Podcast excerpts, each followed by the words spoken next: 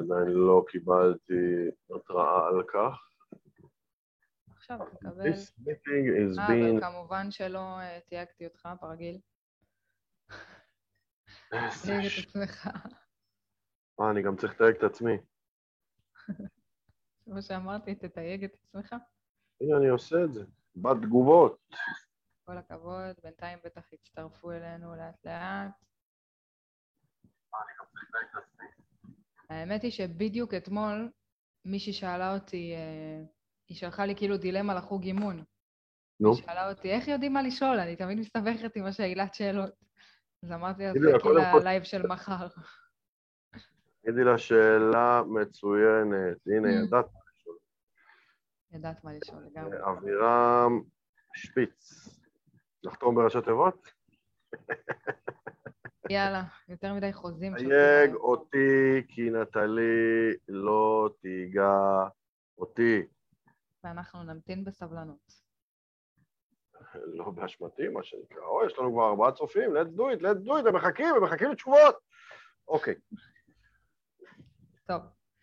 אוקיי. אמ, אז בעצם עשינו איזשהו דיון, אה, אבירם ואני, והכנה ללייב הזה, אה, כי אנחנו תמיד עושים את זה ותמיד מדברים על מה אנחנו הולכים להגיד לכם ואיך אנחנו הולכים להגיד לכם, והאמת היא שזה מפתיע, אבל כמה שאנחנו באים מדויקים וכביכול יודעים מה אנחנו הולכים להגיד, איכשהו תמיד בהכנה לפרק של הקול הקואוצ'ר או ללייבים האלה, אנחנו כאילו מדייקים אפילו עוד יותר, פתאום נהיה שיטה, נהיה תבנית, נהיה משהו כזה. כאילו, זה מדייק במידה מסוימת גם אותנו. אני חושב שאני ואת, אמרתי לך את זה פעם, אנחנו שנינו מאמנים במלוא הענווה מעולים, שמאמנים אחרת לגמרי בשפה אימונית שונה לחלוטין. לגמרי, לגמרי. ואנחנו... אני חושבת שזה היופי, אבל, כאילו, השיטה שלי והשיטה שלך בהרבה מקומות מתחברות. נכון, נכון. ו- ו- ומהמקום הזה, אמ, אני פתאום מביא דברים, אני, את יודעת מה, אני לא יכול לדבר בשמך, אבל את הרבה פעמים מביאה דברים שאני אומר, בואנה, זה מתנגש לי. זה לא מסתדר לי עם דברים שאני פיתחתי, ודברים, אנחנו גם שני אנשים שפיתחו שיטה משלהם. ואז אנחנו מצד אחד מוסיפים זה לזו פלפל מלח, ומצד שני אנחנו גם אה, מאוד אה, נותנים קונטרה אחד לשני, ואז פתאום אני מוציא אותך. הרי אין דבר, אני אמביוולנטי פה, אין דבר יותר משמח ומעצבן מ- מ- מלמצוא פרצה בתבנית שלי. וזה קוראים תיגר עליה. שזה גם משמח מצד אחד, כי זה משפר אותה, ומצד שני זה מעצבן, כי כאילו, בואנה, חשבתי שזה מושלם, שזה פלולס. ופתאום בא לי... אני אגיד לך משהו, וזה היופי. שתמיד אומרים שיש מידות מסוימות של הבנה. שמידה אחת זה לדעת לבצע את הדברים, מידה אחרת לגמרי זה לדעת ללמד אותם. כן, ואני נכון. חושבת שכשאני ואתה מלמדים אחד את השנייה דברים, אנחנו באמת מאתגרים את שנינו לדייק, לדייק, לדייק, לדייק, וזה מה כן, שאני ו- מאוד מאוד ו- אוהבת. וכאילו, יש לפעמים מצבים שבהם דברים יושבים לי, לי, בתבנית חשיבה שלי מושלם, ואני מנסה להעביר אותם אלייך, ולא, את לא מצליחה ל- להבין את הלוגיקה פה. זה ממש מה שקרה לנו פה, בבנייה של זה, של השיטה שאני אומר. הזאת לשאלת שאלות. אני אומר את זה, ו- ואז את אה, אה, ממשיכה לשאול אותי שאלות, שאלות של הבנה, כדי להבין יותר טוב מה שאני מנסה להעביר לך, ואז אני כאילו, אבל לא. זה ברור, לא? לא הבנתי, מה לא ברור? מצד מה אחד, חסר? ומצד שני אני אומר, יואו, היא מצאה פה באג, היא מצאה לי באג במערכת, שנייה, את יודעת מה? רגע, ואז, מחדדים. כן, מה שנקרא זה מאתגר אותי בעוד במידה, ו- ו- ו- ואז זה מחדד אותי, זה מחדד לך, זה מחדד לי בחזרה, כנ"ל על דברים שאת לימדת אותי, אמ, וזה לגבי זה. יאללה, אז ניגש לעניינים. let's do it. איזה פתיח ממוקד. השיטה שתעזור לכם האבדה? מה עם בעצם, האבדה? השיטה שתעזור לכם בעצם למקד את סוגי השאלות שלכם בקליניקה ולדעת טוב יותר מה אתם הולכים לשאול, למה אתם שואלים דווקא את השאלה הזאת.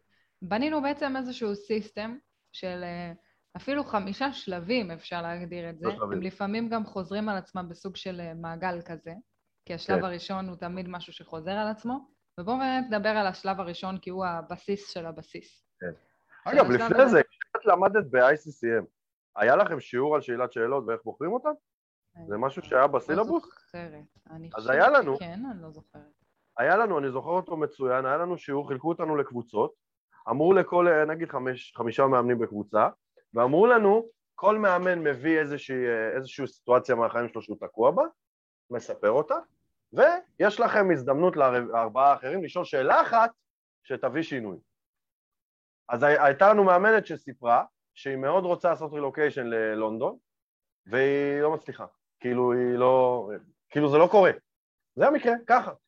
ואז כולם אה, אמרו מיליון שאלות, ואז זה הגיע אליי, והדבר הכי הגיוני, כשהייתי סטודנט, הדבר הכי הגיוני שהיה לי לשאול אותה זה, מה עוצר בעדך? ואני לא זוכר מה היא ענתה, אבל בסוף שהמרצה אמרה לה איזה שאלה הכי הזיזה אותך, אז היא אמרה, האמת היא של שפיץ. ומשם בעצם כל הסיפור של מי אני ומה אני נולד, מהשאלה הזאת. אבל באותו רגע לא היה לי מושג, זה היה אינסטינקטיבי לחלוטין. לא היה האמת שום... שהיופי, ובאמת דיברתי על זה עם אחד המאמנים השבוע, שהוא דיבר איתי אחרי החוג אימון, היופי זה שהאינסטינקטיבי בדרך כלל הוא השאלה הנכונה. העניין הוא ש- שאנחנו כמאמנים רוצים כל כך להיות מקצועיים, ואנחנו כאילו מכבים את האינסטינקטיבי, כי אנחנו יוצאים מנקודת הנחה שאנחנו אמורים לדעת מה לשאול, מקצועית. ואז אנחנו כן. כאילו מכבים את ההיגיון הבריא שלנו, שלרוב ההיגיון הבריא שלנו יודע להפיק את השאלה הנכונה בזמן. ואני כן יכולה להגיד בהיבט הזה שיש הרבה פעמים שאומרים לנו, תלמדו איזה שאלות כדאי לשאול, מה נכון לשאול ודברים כאלה, יש בנקים של שאלות, אני הכי לא מאמינה בזה. להפך, אני אומרת, תבינו את ההיגיון, אתם תדעו מה לשאול. תבינו מה אתם רוצים להשיג, מה המטרה שלכם. לגמרי. מאיה? שואלת, אה, מה שאלת אותה? הוא פשוט שאל אותה מה עוצר בדרך. מה עוצר בעדך? אני חושבת למה שזו לא? שאלה שפשוט כל כך הניעה אותה ל... היא לא- היא לא להיכנס לעומק, בדיוק. להיכנס לעומק של הדברים, ולפעמים רק ברגע, ברגע שאנחנו מבינים את החסמים שלנו, אנחנו כבר מצליחים לפתור אותם. או לא לפתור אותם, להחליט שאנחנו לא, שאנחנו מעדיפים אה, שלא לעשות את זה. כן, זו רק- שאלה שהיא אה, עוזרת לא. להבין את החסם. כן, אז uh, let's do it. מה ש... אגב, תרגיל טוב, נעשה אותו. אולי ב-experience. בסדנת experience. ש... באמת תרגיל מעולה.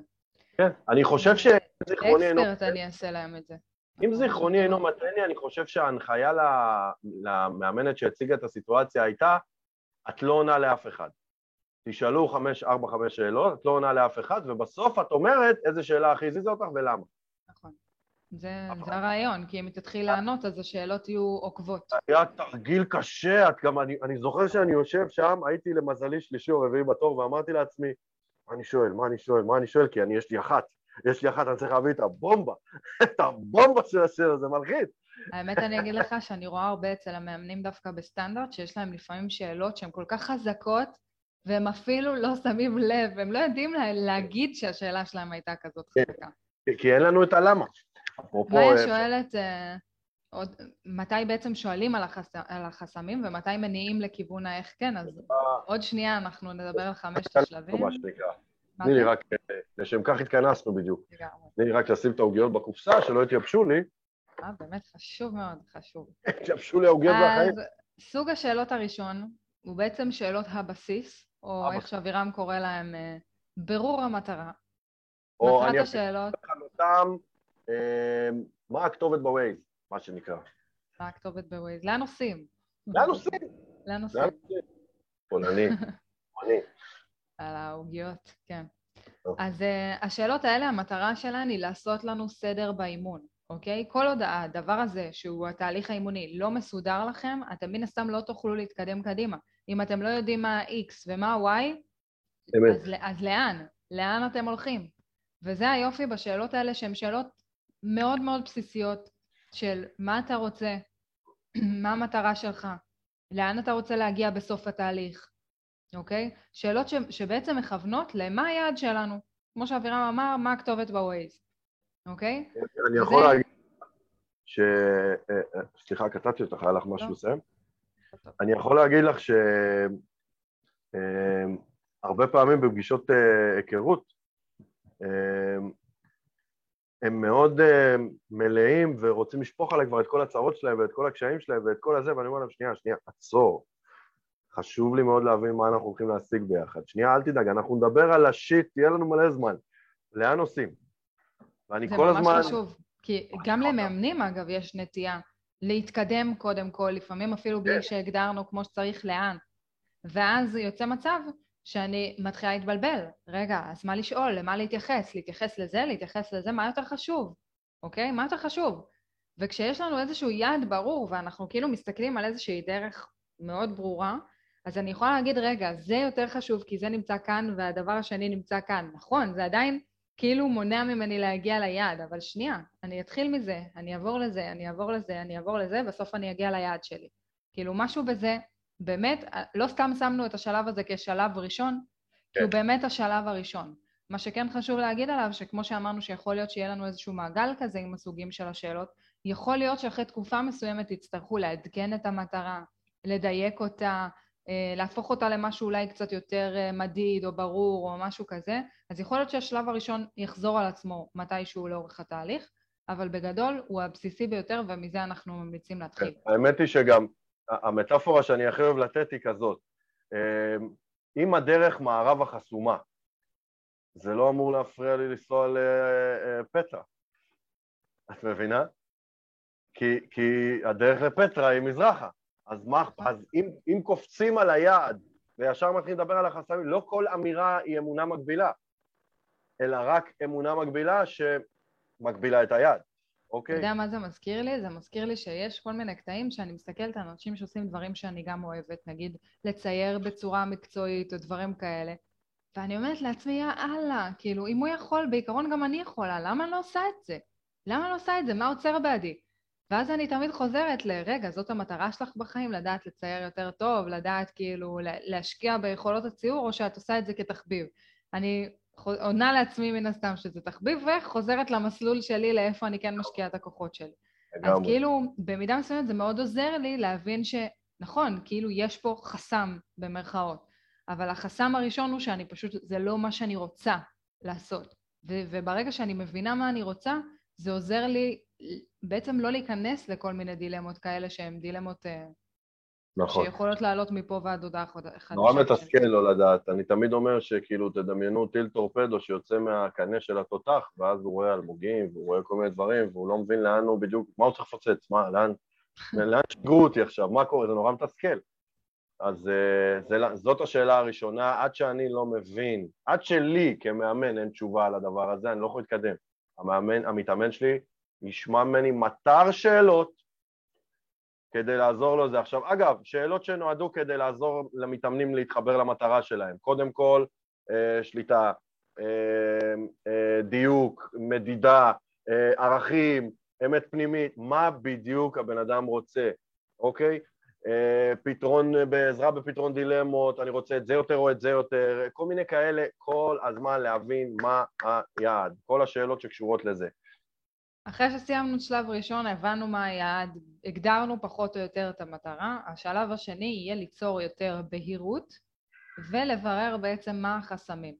הרבה פעמים מתאמנים מספרים לנו מלא דברים ומדברים מלא במהלך האימון, ואז מאמנים מוצאים את עצמם, רגע, שנייה, מה חשוב? למה אני מתייחס? מה קורה כאן? כאילו, הוא, נת... הוא זרק עליי מלא מלל, מה אני עושה עם המלל הזה? ופה אנחנו הרבה פעמים צריכים למצוא את עצמנו, או מוצאים את עצמנו, יותר נכון, שואלים, רגע, מה זה אומר אבל? מה זה אומר? מה בדיוק מפריע לך פה? מה מונע ממך להגיע לשם? שנייה. רגע, מה זה אומר? מה המסר? למה סיפרת לי את זה? אנחנו צריכים לשאול שאלות שיבהירו לנו את המסרים של המתאמן. כן. שנבין אותם אוהב... בצורה שלא משתמעת לשני פנים. אני אוהב לקרוא לזה לחפש את הלמה לואים, אוקיי? לחפש את הלמה לואים, לגמרי, לחפש את החסמים. לחפש את הלמה לואים. לחפש את החסמים, מחסומים, אמונות מגבילות, אקסיומות מעכבות, תקראו לזה איך שתקראו לזה, אבל עד שזה לא יושב לי.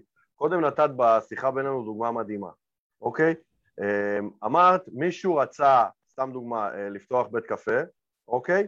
אבל אבא שלו, אימא שלו ושני האחים שלו אמרו לו שזו טעות, אל תהיה עצמאי, אוקיי?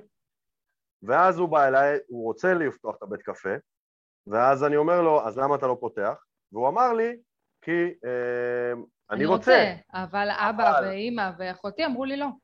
בדיוק. עכשיו, כש, כשיש שפשוף ומיומנות, אולי עם הניסיון, אני כבר מיד, האבל הזה, אגב, אצלי באימון יש כלל, שוקל להכניס לחוזה בעל פה, אסור לומר אבל, אוקיי? זה, הוצאתי את המילה מחוץ לחוק אצלי, היא תמיד מובילה לחסם, אבל... אה, אז, אז כאילו ברגע שאני שומע את המילה אבל, תדעו שאחרי אבל בדרך כלל יבוא מחסום, בדרך כלל. אה, אז אה, כשהוא אומר אבל אמא, אבא, דודה, סבתא, אז אני שומע סיבה טובה והגיונית שבגללה המתאמן לא פותח את הבית קפה שזה מה שהוא רוצה, בום, זיהיתי חסם. עכשיו, אילו אני לא מספיק מיומן ולא מספיק סומך על האינטואיציה שלי, אז אני יכול לשאול אותו שאלה.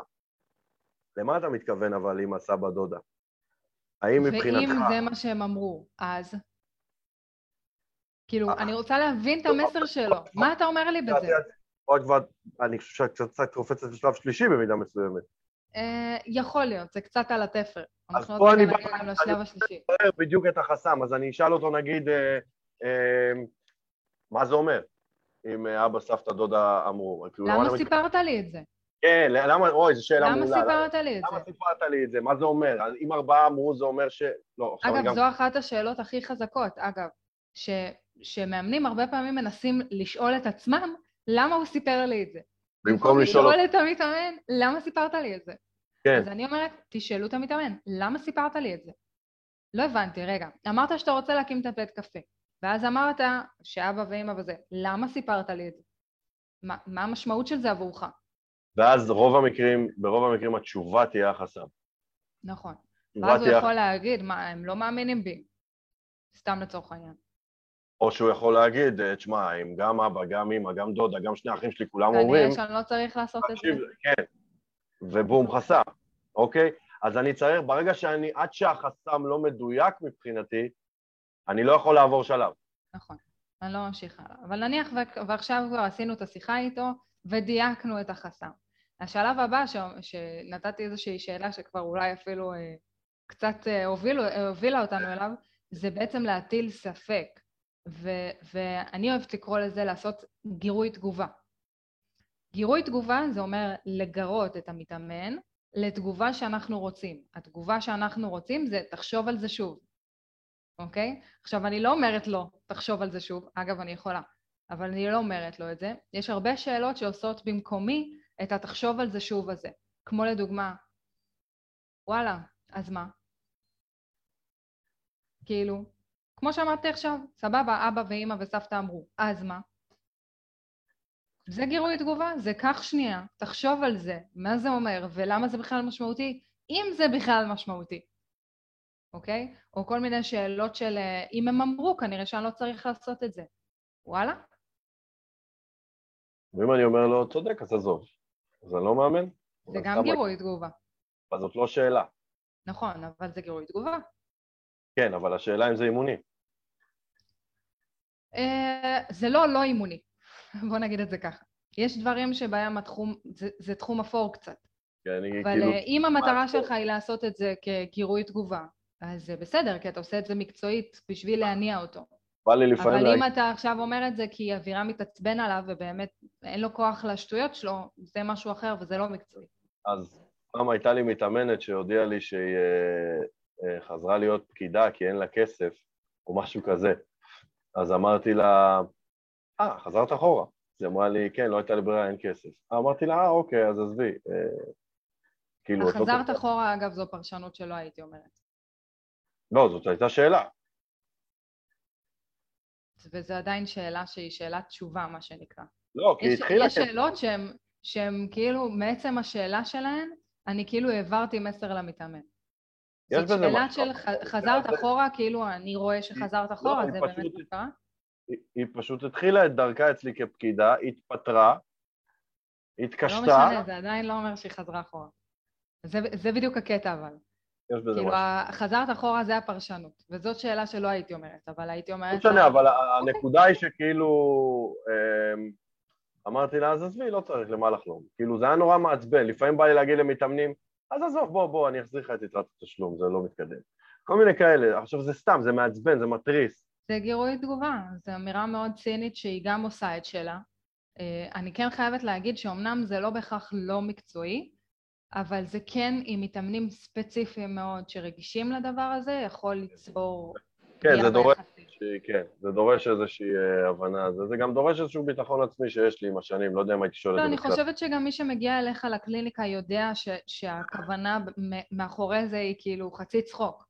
וכי, כי כן. מכירים אותך ואת הגישה שלך, ובגישתך זה מתאים. אבל אם אני אגיד דבר כזה, אני לא יודעת כמה ייקחו אותי בסבבה, כי אני מאוד רצינית בדרך כלל, ואז פתאום להגיד דבר כזה, זה יהיה שנייה מה היא מתגרה, כאילו, בקטע רע. כן, לא יכול להיות. שאלה אם אג'נדה יצאה לנו. כן, שאלה עם אג'נדה, זה בדיוק העניין של כאילו, שאלה תשובה, מה שנקרא. כן. האמת, אני קורא לזה אבל אחרת, גירוי תגובה זה אחלה, אה, כאילו זה אותו דבר בתכלס, אנחנו פשוט קוראים לזה אחרת. אני, בגלל שאני פילוסוף מטבעי, אני אוהב לקרוא לשלב הזה שאלות הטלת ספק. ואז כל מה שאני עושה זה אני בא לאנשים בגישתה של ביירון קטי יקירתנו וכל הזמן אומר, או אריסטו, או אפלטון אם תרצו, פשוט באמת, זה האמת, האם זאת האמת, האם זאת בהכרח האמת, ואז כל ה... רוב האימון אצלי הוא שם. כל המתאמנים... האם זאת בהכרח האמת, לא סתם. כן, האם זאת בהכרח האמת, האם יש אמת אוניברסלית אחת שאומרת 1, 2, 3, 4? שאגב, ואז... יש אנשים שאצלם זה החסם. שמבחינתם יש אמת אוניברסלית אחת, ואם זאת האמת, זה מה שהאמת אומרת, אני חייב ללכת לפי זה. זה בדיוק העניין, ופה uh, מתחילה ההתכתשות, כי אנשים שבאים ואומרים, uh, יש אמת אוניברסלית, הם, הם uncoachable, אין, uh, קראת לזה לעודד אותם לחשוב שוב. אני קורא לזה, עד היום לפחות קראתי לזה, לעודד אותם להגמיש את המחשבה, לפתוח את הראש לש, למה שזה אותו עיקרון, כן. אוקיי? Okay. ואת הנעולים אני חייב לפתוח, ואני עושה את זה על ידי שאלות הטלת ספק. עכשיו, במה אני מטיל ספק? אז אותו מתאמן שאומר לי, אם אה, גם אבא, גם אמא, גם שני האחים שלי אמרו שלהיות עצמאי בישראל זו טעות, כנראה שהם צודקים. כנראה שהם צודקים? בהכרח הם צודקים. תחשוב על זה שנייה. הם, אה, אה, הם, הם, הם בעיסוקם, הם עצמאים? הם אה, מומחים לניהול עסק במדינת ישראל? מה מידת הידע שיש להם? האם הם האנשים הנכונים מבין כל מדינת ישראל לקבל... אתה כאילו ממש הופך להיות עורך דין, אתה מוריד את אה, אמינות העד. זה ממש ככה, זה מה שאני עושה כל הזמן. ואילו, אני אוהב גם לתת להם כפתורים, אילו היה כפתור שמבטל את ככה וככה, אני מוצא איזה משהו ספציפי שבו אני רוצה להטיל ספק, שולף כפתור, מבטל אותו. היית לוחץ? אילו הם היו אומרים, אפרופו שאלה שמחברת לרצון, אילו הם היו אומרים ש... אה, אגב, את לא מזמן אה, התייעצת איתי על איזשהו עניין שנורא התלבטת, אה, בעניין של סדנת אקסטרי, אקסטרי, להעביר לשישי, לא להעביר לשישי, זוכרת? ואני פשוט לא הצלחתי לעזור לך בטלפון לחבר אותך. ואז אמרתי לך משפט קטע, כי היינו באחד, מה את רוצה? ואז אמרתי לך, תקשיבי, אולי זה לא יישמע לך כמו משהו שאבירם אומר, אבל כאילו, אני באמת מאמין שהתשובה בגוף. ואז קטעת אותי, לא ידעתי לסיים את המשפט, ואמרת לי, וואי, אתה יודע שברגע שאמרת את זה חייכתי, וברגע שאמרת את זה היה לי קווץ' בבטן והבנתי מה אני רוצה, אוקיי, תודה רבה להתראות. זה, זה היה מדהים, זה היה מדהים. הגוף יודע. ואז ברגע שהבנת מה את רוצה, בום, הבנת מה החסם, בום, הבנת מה זה, בום, הבנת מה זה, כי נורא קשה לנו גם לזהות את החסמים של עצמנו, אבל ההטלת ספק הזאת זה הדבר הכי uh, חזק באימון אצלי, ובכלל, אני חושב שרוב השאלות הם שם. נקודה. רוב השאלות הם שם. ככה אנחנו עושים את העבודה שלנו, אנחנו מזהים את החסמים ואז מטילים עליהם ספק. זאת אומרת, כן. כל סימן קריאה שהמתאמן אמר לי, אני רוצה להפוך, כל עוד הוא לא מקדם. אני רוצה להפוך לסימן שאלה. ברור. אם, אם זה מעכב אותו, אם זה חסם, להפוך אותו לסימן שאלה. לא לשים סימני שאלה לאמונות מקדמות. נכון.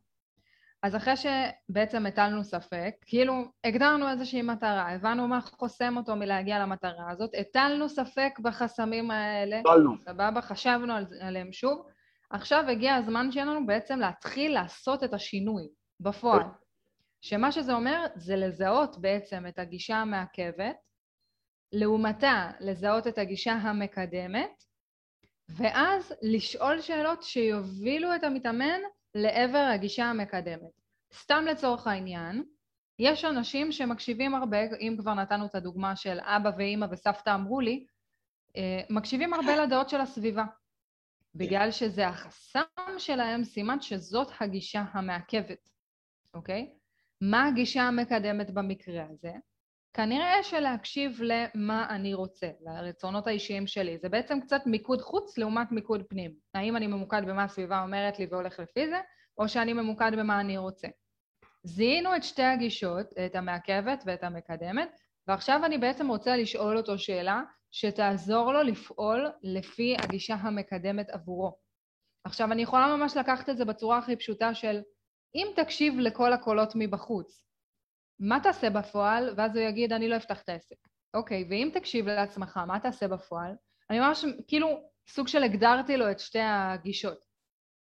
כשהוא מבין מה הגישה המקדמת ומה יביא אותו לתוצאה שלו, יכול מאוד להיות שהוא כבר יתחיל לנוע בכיוון הזה והוא יגיד, אוקיי, אוקיי, הבנתי, אני צריך להקשיב לעצמי, וזה מה שאני רוצה לעשות וכולי. עכשיו, לפעמים פה יעלו עוד חסמים, אין ספק.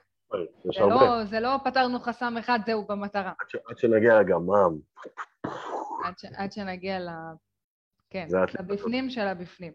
אבל ברמת העיקרון יכול להיות ש, שאנחנו נזהה עדיין עוד גישות מעכבות ועוד חסמים וכולי, ואז נצטרך בעצם לחזור על השלבים של שתיים עד ארבע. של עוד פעם, לברר את החסם, להטיל, להטיל ספק וזה. ולפעמים גם אחד, כן, לגמרי. לפעמים אז... גם אחד. אבל מה שיפה פה בדוגמה שנתת לגישה מעכבת, גישה מקדמת, זה שאם אה, תפעל לפי הסביבה, תשיג מה שאתה רוצה, כנראה שלא. אם תפעל לפי מה שאתה אומר, תשיג מה שאתה אומר, כנראה שכן. ואז ככל שיעבור הזמן, את בעצם סוג של, אה, קוראים לזה ב-NLP, מתכנתת לו את המוח מחדש, אוקיי? רק שהוא עושה את זה לעצמו באמצעות השאלה, והוא מתחיל להבין, בואנה, הגיע הזמן שאני fucking אקשיב לעצמי קצת יותר. וזה יכול לתפוס אותו בהערה שחבר נותן לו על איזה בחורה שהוא רוצה. בדיוק, לא, לא, זה, לא... זה כאילו, זה כבר לא יהפוך להיות ספציפית למקרה. בדיוק, כי הוא פתאום, ת, ת, תצרב לו מנטרה חדשה במוח של אני צריך להתחיל להקשיב לעצמי, אני צריך להתחיל להקשיב לעצמי. ואז זה יתפוס אותו בכל מיני מקומות בחיים. פתאום יהיה לו... להגיד, אני אוהבת להגיד למאמנים שבאמת כשהם עובדים בצורה מאוד ממוקדת ומקצועית, הם ייגעו כאילו ב... אני קוראת לזה תמנון. הם ייגעו כאילו במוקד אחד, אבל הוא ישלח זרועות לעוד הרבה מקומות. ואז זה כמו תמנון, שאנחנו כאילו נוגעים בראש, אבל הזרועות מגיעות לעוד תחומים בחיים. אז כן. דיברנו על העניין של להקשיב לעצמי מול להקשיב לאחר, וזה בעצם מתחיל להשפיע בקריירה, בעבודה, בזוגיות, בזה, בזה, פשוט בכל מיני תחומים. יש לי את המתאמן הזה, אני כל הזמן מדבר עליו, המבוגר, הוא בן 74, אוקיי?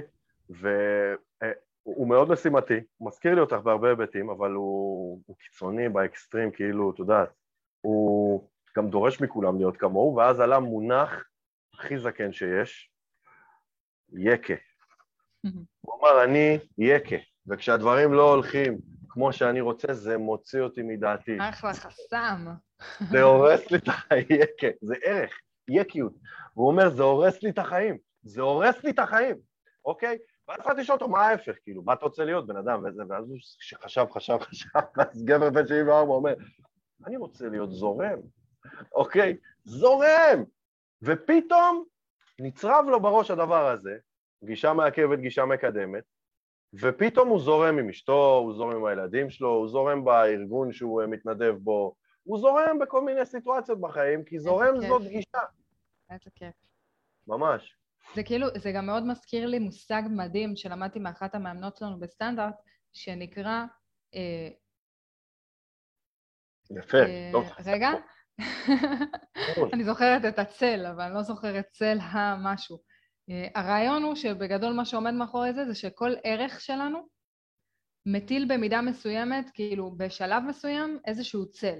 עכשיו, נגיד היקה, הוא יכול לבוא מערך של סטנדרטים גבוהים, אבל יש כבר שלב שבהם הסטנדרטים גבוהים הופכים להיות משהו שמטיל צל על דברים אחרים ואז הוא, הוא מפריע. צל החוזקה, תודה שירי, הנה שירי איתנו, ובדיוק דיברתי על זה. אה, אז צל החוזקה. זאת אומרת, הוא רצה לקבוע סטנדרט גבוה, וזה בסוף הטיל צל וגרם לו בהרבה מקומות לא להתפשר, אוקיי? ופתאום לא כשמדבר... כאילו הוא בא מכוונה טובה, נכון? להציב כן. סטנדרט גבוה בעשייה שלו. אבל כן. בסוף זה הטיל צל על הרבה דברים אחרים, כי זה גרם לו לא להתפשר ולא להתפשר ולא להתפשר, ולהיות מאוד קיצוני, ולהיות יקה.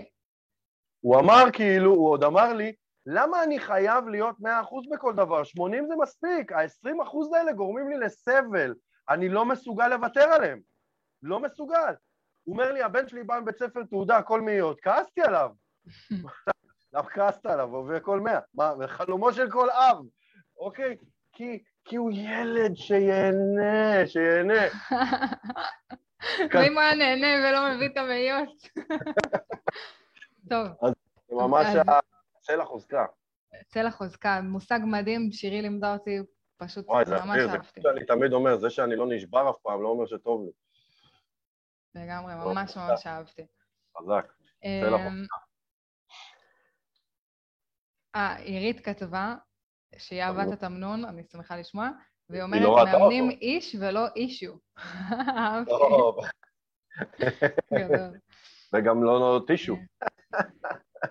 אז תגדיש. ממש איפה היינו טוב, בזה? שלב מספר חמש. רגע, בריף על הרביעייה, סוג מספר חמש. אחד, אמרנו זה מה מבררים את שהתחלתי המטרה. להגיד. אז כן. מה, זה. לא משנה, אחד, אני אתחיל. אחד, אה, אה, בירור. על המטרה. שתיים, בירור החסם.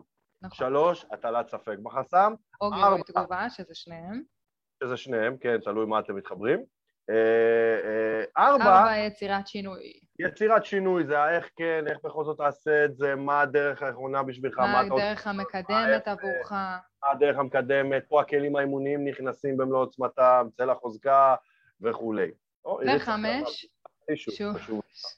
והחמש, שזה אולי החשוב ביותר, איך כן תכלס. איך תכלס, let's do זה it. מה- השלב הכי פרקטי שיש, שאנחנו אוהבים לקרוא לו אגב באימון שיעורי הבית, כי לרוב זה מה תעשה השבוע כדי שהדבר הזה יצא לפועל, אה, אבל זה שלב ממש של, של אוקיי, דיברנו על הדברים, הבנו מה אתה כן רוצה לעשות, בוא קח על עצמך צעד, כי זה לא מספיק שדיברנו על זה, אם לא נוציא את זה לפועל, לכל השיחה הזאת בעצם אין ערך. תוך כדי שאת מדברת, זוכרת את מלכודת הדבש של המאמן, שבטלפון הוא כבר מאמן? כן. פה יש מלכודת דבש נוספת. למה? כי אם המתאמן לא יודע לתת תשובה מספיק טובה, או לא יודע לתת תשובה בכלל, כאן בא לנו להיות יועצים קצת. בשיעורי בית זה מאוד קל ליפול למקום של אה, תעשה לא ככה. וככה. זה מתחת לאף, איך הוא לא רואה את זה, אני אגיד לו.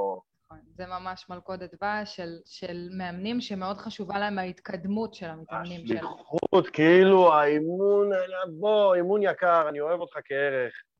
אני, אה, שנייה רגע, תן לי, לרגע, תן לי להיות יועץ. שומע, צ'יקו, בוא, בוא, תפתח את הבית קפה, בוא.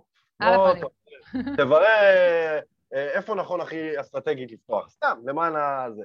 לגמרי. אז ופה אנחנו... בגדול מה שאנחנו מגדירים בשלב הזה זה או לשאול באמת איך כן, כמו שאבירם אוהב לקרוא לזה, או שממש להגדיר יעד של מה אתה הולך לעשות, מתי אתה הולך לעשות את זה, איפה תהיה בזמן הזה, אמ, מה המדד שלך להצלחה. זאת אומרת, אם אני רוצה עכשיו לקרוא ספר, אז המדד שלי יכול להיות 30 עמודים ויכול להיות גם חצי שעה, אחד נכון. מהשניים. ואני אגיד, אוקיי, אז ביום שני, בשעה שתיים, אני יושבת בסלון וקוראת עכשיו ספר 30 עמודים. סיימתי את זה, אני יודעת לעשות וי. לא סיימתי את זה, אנחנו נדבר על זה באימון הבא ונבין מה היה שם. אבל ברמת העיקרון אנחנו חייבים, חייבים, חייבים לזכור את השלב של להפוך את זה לפרקטי. אני כן. אעשה שנייה אחת סיכום לפני שאנחנו אה, מסיימים. כן. חמש, אה, חמש, חמישה סוגים של שאלות, שהם בעצם חמישה שלבים. מתחילים בהגדרה של איזושהי מטרה, ממשיכים בהבנה של החסמים, מטילים ספק בחסמים האלה כדי שנוכל לשבור אותם, אחרת לא נוכל להתקדם, יוצרים את השינוי, בעצם מוצאים את הגישה המעכבת, ובסופו של דבר הופכים את זה מקדמת. למשהו פרקטי. אה, נכון, סליחה, יוצרים את הגישה המקדמת, ובסוף הופכים את זה למשהו פרקטי. אמת. רגע, עכשיו, אחרי שזה נאמר, כן, אני מזמין אתכם לעשות לכם איזשהו צ'קליסטון קטן, אוקיי? צ'קליסט בעברית. אה, צ'קליסטון קטן, נשים אותו בכל אימון בצד, ופשוט תשאלו את עצמכם כל פעם, איפה אני מול המתאמן? לגמרי. איפה אני? אני צריך למצוא את המטרה? שאלו שאלות אני שקשורות כבר למצוא מבין את החסמים שלו, אני לא מבין, יש פה חסם חדש, ושוב אמרנו, אנחנו יכולים מדי פעם לחזור לזה. אז זה לא משהו שסימנתם וי וזהו. אז זה משהו שכל הזמן להבין, רגע, בשביל הפרופורציה, איפה אתם נמצאים בתוך האימון. מה שכן חשוב לי להגיד בשביל לסכם את הדבר הזה, הנושא של שאלת שאלות הוא, אחת ה, הוא אחד השיעורים בעצם שאני מלמדת במסגרת אקספרט, שבעבר לימדתי כסדנה עצמאית והיום הוא חלק ממש מסטנדרט. אה, השנה הראשונה של ההכשרה שלנו למאמנים, אנחנו עובדים על כל הטכניקות המאוד מאוד בסיסיות כביכול של מאמנים, כמו שאלת שאלות או הגדרת מטרות או דברים כאלה, שנשמע בסיסי וכביכול ברור מאליו שמאמן אמור לדעת לעשות את זה, אבל בסופו של דבר אלה דברים שאם אנחנו לא עובדים איתם בצורה מדויקת או לא יודעים איך לעשות אותם, אני, אני אוהבת לקרוא לזה כאילו הבסיס של הבניין שנקרא אימון הוא בסיס לא יציב, וברגע שהבסיס לא יציב, הבניין לא יציב. ואנחנו חייבים, חייבים, חייבים לדייק את הבסיס הזה ולמטב אותו ולהפוך אותו באמת להיות מיומנות שאנחנו שולטים בה ויודעים מצוין איך לעשות אותה. אה, אז זה חלק ממש, גם שאלת השאלות זה חלק מה, מהנושאים בסדנה, ואני מזמינה אתכם, מאמנים שגם יכול להיות אולי מתקשים בדברים האלה, אבל גם באמת רוצים ושמו לעצמם מטרה להיות הכי טובים שיש באימון, ובאמת באמת נמצאים במקצוע הזה משליחות להצטרף אלינו לסטנדרט, לעבור איתנו גם את הסדנה המקצועית, גם את הסדנאות. העסקיות שאבירם בעצם אה, מנחה, ולקחת חלק גם בשנה הראשונה וגם אחר כך להיות אה, ממש אה, חברים בארגון. מאיה בדיוק כתבה אחד הטובים שלכם, האמת מאיה, גם אני הרגשתי ככה. נכון אבירם? באנו ממוקדים היום. גם הקודם היה לא רע נראה לי על הנישה. גם הוא היה... לא יודעת, היום הרגשתי ממש שבאנו מסודרים, באותו ראש בדיוק, ממש, ממש כן. מתוקתקים. גם את הנישה מאוד אהבתי, אבל היום הרגשתי שאנחנו קצת יותר מסודרים וקצת יותר על זה. ואני חייבת שאפו בלייב על העמידה בזמנים, שאני ראיתי ששמת לב ל... לשמור על זה, אז אה, שאפו בלייב. הייתי עם התואר, ואגב, אפרופו שאפואים, כי הקדמת אותי, היה לי גם שאפו, יש לי גם שאפו. איך אומרים שאפו בעברית? בראבו. אמ, בראבו. אני חייב להגיד ש... א', את כסופרוויזרית עשית לי חוויה מתקנת ואת יודעת את זה וגם סיפרתי על זה פעם בפורום, אבל אני יכול להגיד לך שזה מעבר לזה. אני אתמול אמרת, או הבוקר, לא זוכר כבר, הבוקר לדעתי. אמ, החוויה שלי מ supervision כסטודנט במכללה הייתה שזה קוץ מתחת, סליחה על הביטוי, שזה, שזה משהו שמעיב עליי ומעיק עליי, לא בא לי, לא כיף לי. הקטע הוא שכל החבר'ה הרגשנו ככה. עכשיו, אני לא יודע אם זה כי ספציפית הייתה לנו סופרוויזרית נודניקית, או שאני לא יודע אם זה ככה בכל המכללות, אבל זאת החוויה שהייתה לנו ככיתה. ועכשיו, אני לא סופרוויזר, אני לא אמון, אני עוזר, מי שמבקש, באהבה נותן מניסיוני, אבל אני לא אמון על הצד המקצועי בסטנדרט, זה נטו, מה שנקרא, את הממונה. אבל אני כן רואה מהצד את המתרחש. והיום בדיוק אמרתי לך הבוקר, כאילו אנשים נהנים לשלוח לך דוחות, אנשים מחכים לתשובות שלך, אנשים רוצים אותך בטלפון כל הזמן, אנשים רוצים להתייע... אנשים רוצים לדבר עם הסופרוויזרית שלהם. וזה כאילו כל כך לא מובן מאליו בעיניי. אמ, א', זה צריך להיות משהו שכאילו, כאילו, נסיים את ה live ותקחי, אני מצפה שתקחי הצידה ותגידי, הוא כל כך ריגש אותי, כאילו, כזה. אבל, אה, אבל כאילו, אני באמת חושב שזה זה לא מובן מאליו וטריוויאלי בעיניי, כי אני חוויתי משהו הפוך לחלוטין, הפוך לחלוטין. אני חושב, ש, אני חושב שסופרוויזרים, אמ, אם יש כאלה שצופים בנו, צריכים לשאול את עצמם את השאלה הזאת, כאילו, האם חשוב שמאמן יעריך אותם, האם חשוב שמאמן יאהב אותם, האם חשוב שיהיה דיאלוג ביניהם, או שהוא צריך להגיד אמן לכל מה שהוא אומר. אני חושב שמה שקורה בין המאמנים לבינך הוא קסום, בסטנדרט. אני, אני הרגשתי את זה על בשרי. בתור מאמנת בתחילת הדרך. היו לי שני סופרוויזרים, אחד הכיל אותי בכפית, אחד כל הזמן הסביר לי איך לעשות את זה לבד. ממש, כאילו, היו לי שני סופרוויזרים שונים לחלוטין, ואני הבטחתי לעצמי שכשאני אהיה סופרוויזרית, אני אהיה כמו הראשון מביניהם. שהוא תמיד, תמיד, תמיד עזר לי, הוא היה ראשון אה, כרונולוגית. אה, תמיד עזר לי בכל שאלה שהייתה לי, וממש כאילו הסביר לי איך עושים את הדברים, למה עושים את הדברים, למה לשאול את זה ולא את זה, וזה אחד הדברים שהפך אותי למי שאני היום, אז אני אסירת תודה ואני שמחה על ההזדמנות להעביר את זה הלאה במסגרת סטנדרט לגמרי. זה, טוב, אני יכול להמשיך לדבר על זה עד מחר, אבל לדעתי המסר עבר.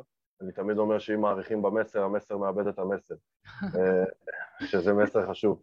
אבל תודה, אז, תודה על התודה.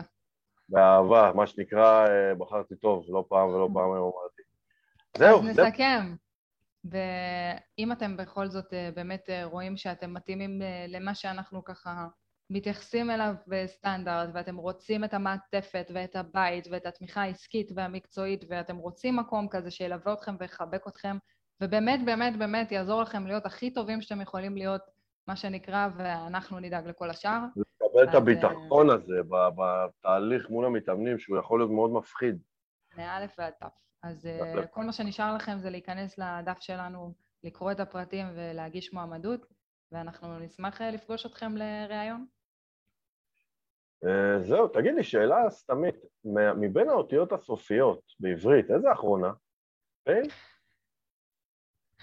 מה השאלה?